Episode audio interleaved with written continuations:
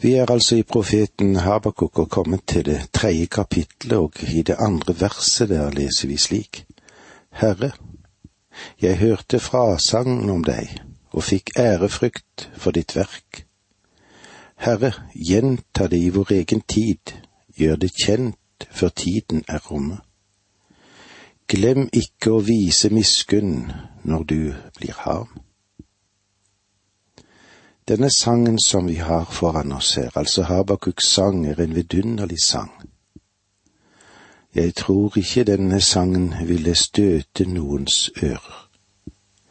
Den er en vakker bønn, ja, en, et deilig poesi for oss alle sammen. Habakuk han sier det slik, Herre, jeg hørte frasagn om deg. Med andre ord, Gud har svart ham. Gud har sagt til ham. Hør her, Habakuk, jeg ønsker at du skal bli værende på din utsiktspost, og jeg ønsker at du skal vandre i tro. Du må stole på meg, Habakuk.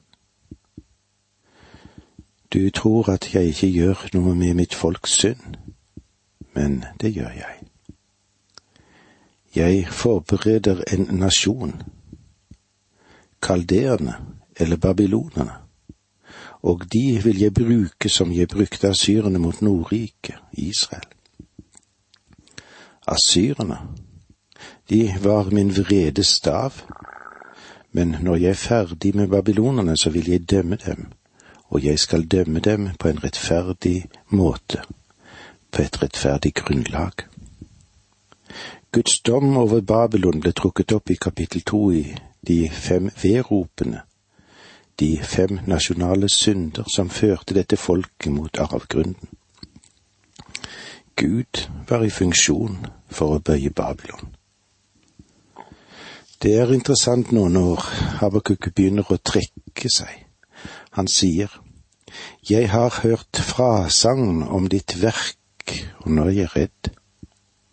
Hva er han redd for? Vel, han hadde tenkt at Gud ikke gjorde noe. Men nå, nå er han redd for at Herren gjør for mye. La du merke til hva Habakuk sier.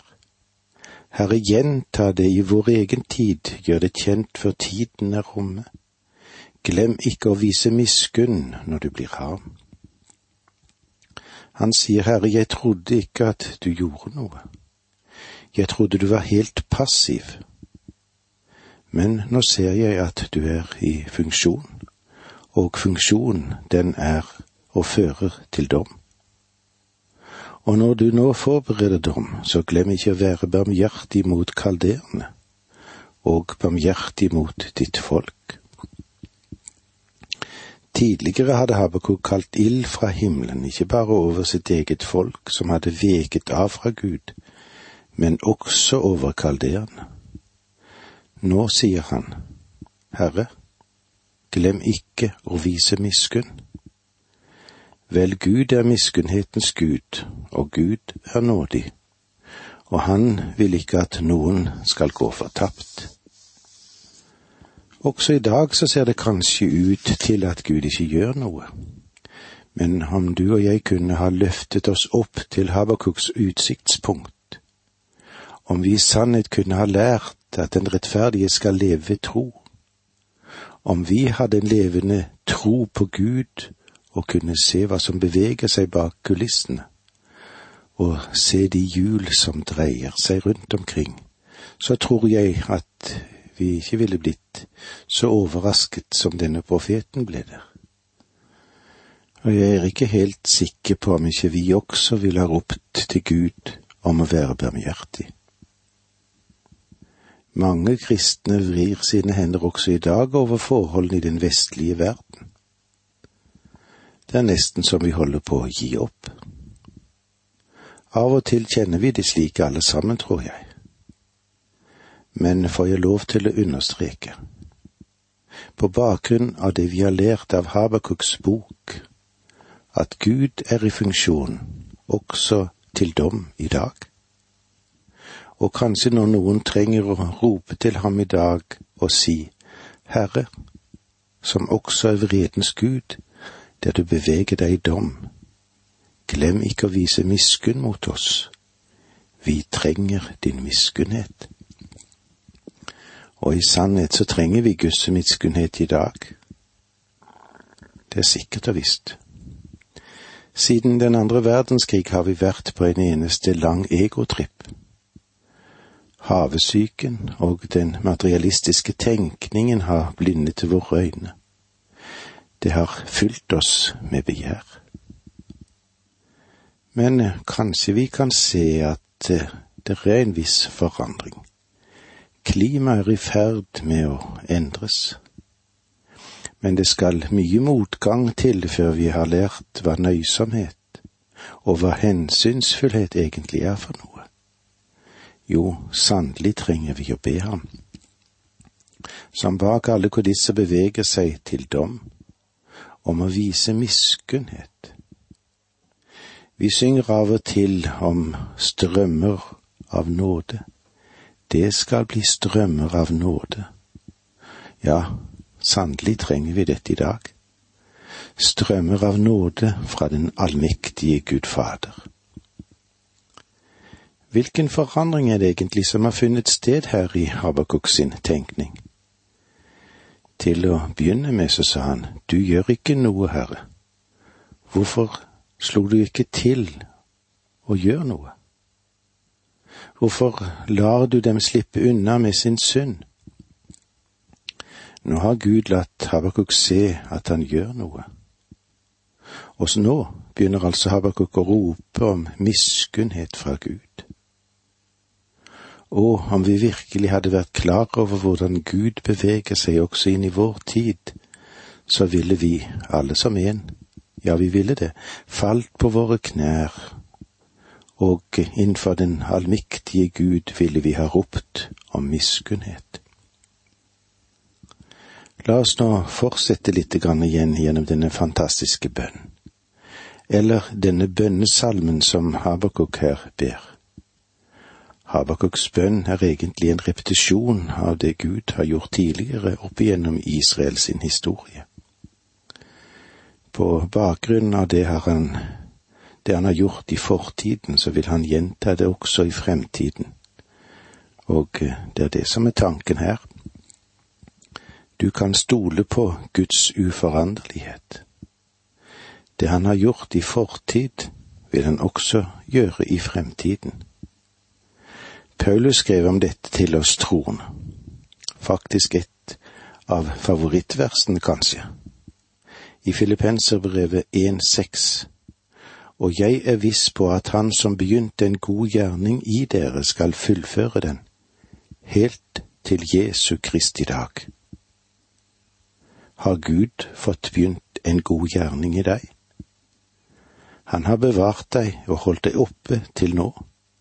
Han har holdt deg oppe til denne dag. Har han ikke det? Han har begynt en god gjerning i deg, og du kan være helt sikker på at han vil fullføre den inntil Jesu Kristi dag. Inntil han henter deg ut av denne verden, og du skal bli ham lik. Dette er vår faste tillit, og dette er den faste tilliten som løper gjennom Habakuks salme. Språket i denne boken har en flukt og dramatisk kraft. Hymnen som vi ser i avslutningskapitlet som vi nå er inne i, den er preget av en poetisk skjønnhet. Hele boken kan betraktes som en enhet, og det er ingenting som taler imot at Habakuk selv har vært den som har ført denne boken i pennen. Herre, jeg hørte frasagn om deg og fikk ærefrykt for ditt verk, Herre. Gjenta det i vår egen tid, gjør det kjent før tiden er omme. Glem ikke å vise miskunn når du blir harm. Og med disse ordene sier vi takk for nå, må Gud være med deg. Dette undervisningsprogrammet består av to deler. Åge Nevland fortsetter nå med andre del av dagens undervisning. Vi er i det tredje kapitlet hos profeten Habakuk, og eh, det vi kan se som overskrift over dette kapitlet er Troen som overvinner alt. Denne salmen som vi var innom skulle synges for dem som ble ført i fangenskap, en tid som nærmet seg. Og i de versene vi nå vil gå inn i, fra det tredje verset utover, så minnes vi fortidens store hendelser. Først vil vi se litt om Sinai, deretter seirene og utfrielsene som vi leser om i Dommernes bok. Vi vil se på overgangen over Rødehavet og Jordan, den guddommelige gjengjeldelsen over folket og den undertrykkelse som de opplevde. Men profeten kunne ikke tenke på det utvalgte folks fremtid uten å sukke og klage. Han lengtet etter å kunne legge seg til hvile før de fryktelige kaldeske hordene brøt inn i landet. Mot slutten av dette kapitlet så utbryter han i en seiershymne, som myriader av troende har sunget etter han. Selv om man føler det slik at Guds gaver svikter, har han fremdeles giveren.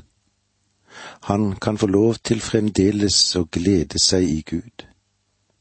Og den guddommelige frelser og venn er ofte mer synlig når marken og sauekvene avslører fattigdommen. Det er eh, noe av dette som vi vil se når vi går inn og ser på Guds program. Og i denne delen som vi nå går inn i, vil vi òg se om innom tre menn som befinner seg i bakgrunnen. Selv om det ingen av disse navnene har vært nevnt ved navn, fordi det ikke er en salme om hva menneskene har gjort, men her er det en salme om hva Gud har gjort gjennom disse menn.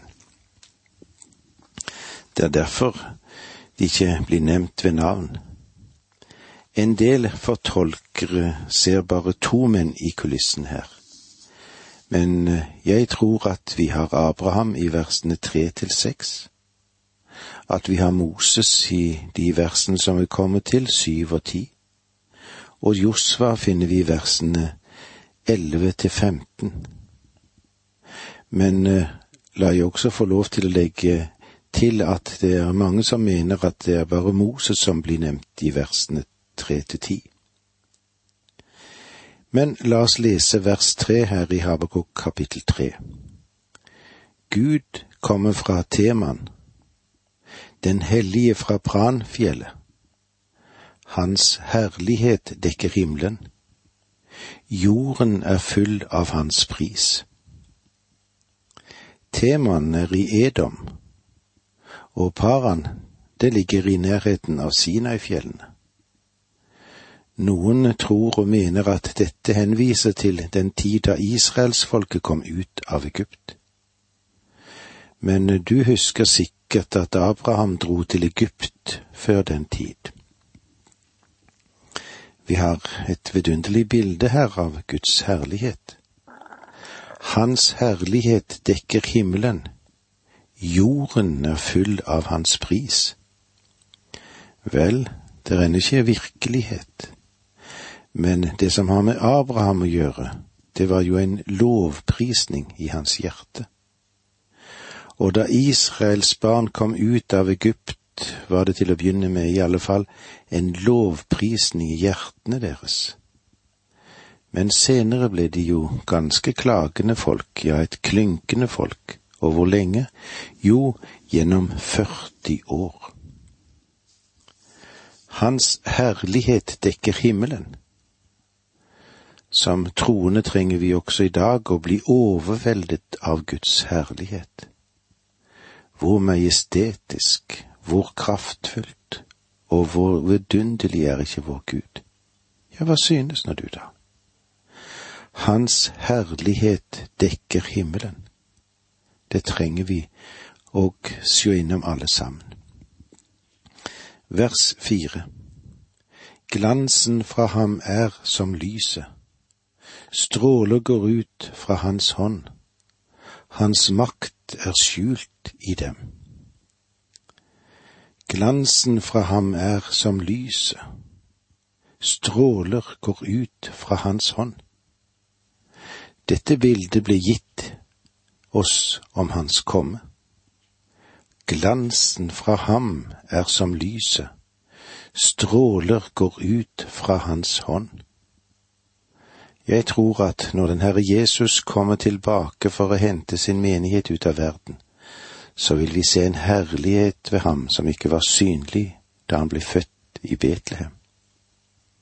Det vil også være sant når han kommer til jorden for å opprette sitt rike. Hans makt er skjult i dem. Med andre ord dekker Herrens herlighet ham, slik at du ikke kan se ham. Selve Guds herlighet skjuler Herrens herlighet, om du forstår meg rett.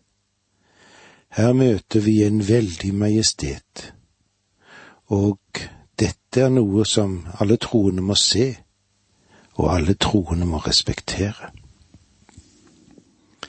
I vers fem leser vi slik:" Foran ham går pesten, i hans fotspor følger sått. Dette kan virke som den tid da Moses var i Egypt og står for de ti plager men det kan også henspille på Abraham som dro ned til Egypt, for der var det hunger og pest i landet. Vi leser videre. Han skrider frem, og jorden rister. Folkeslag skjelver for hans blikk. Gamle fjell står sprekker. Eldgamle åser synker sammen. Han går fram som i gammel tid. Dette verset understreker Guds veld og at han har all makt. Det understreker samtidig at han som har all makt, er i stand til å oppfylle sine løfter som blant annet han ga til Abraham. Folkeslag skjelver for hans blikk. Gamle fjell slår sprekker. Eldgamle åser synker sammen. Det finnes ikke noe som kan bli stående for den levende Gud. Han styrer som han vil. Både folkene og naturkreftene må underlegge seg hans veldige makt. Dette er en utrolig salme. Han skrider frem, og jorden rister. Folkeslag skjelver for hans blikk. Gamle fjell slår sprekker. Eldgamle åser synker sammen han går fram som i gammel tid. Vers syv. Jeg ser uhyggen hvile over Kusjans telt, og teltduken i Midjan skjelver. Jeg ser uhyggen hvile over Kusjans telt. Kusjan er Etiopia, og teltduken i Midjan skjelver. Du husker kanskje at Moses dro ned til Midian en tid. En del tolkere mener at Moses, som var sønn av faraos datter, kanskje ledet et felttog mot Etiopia.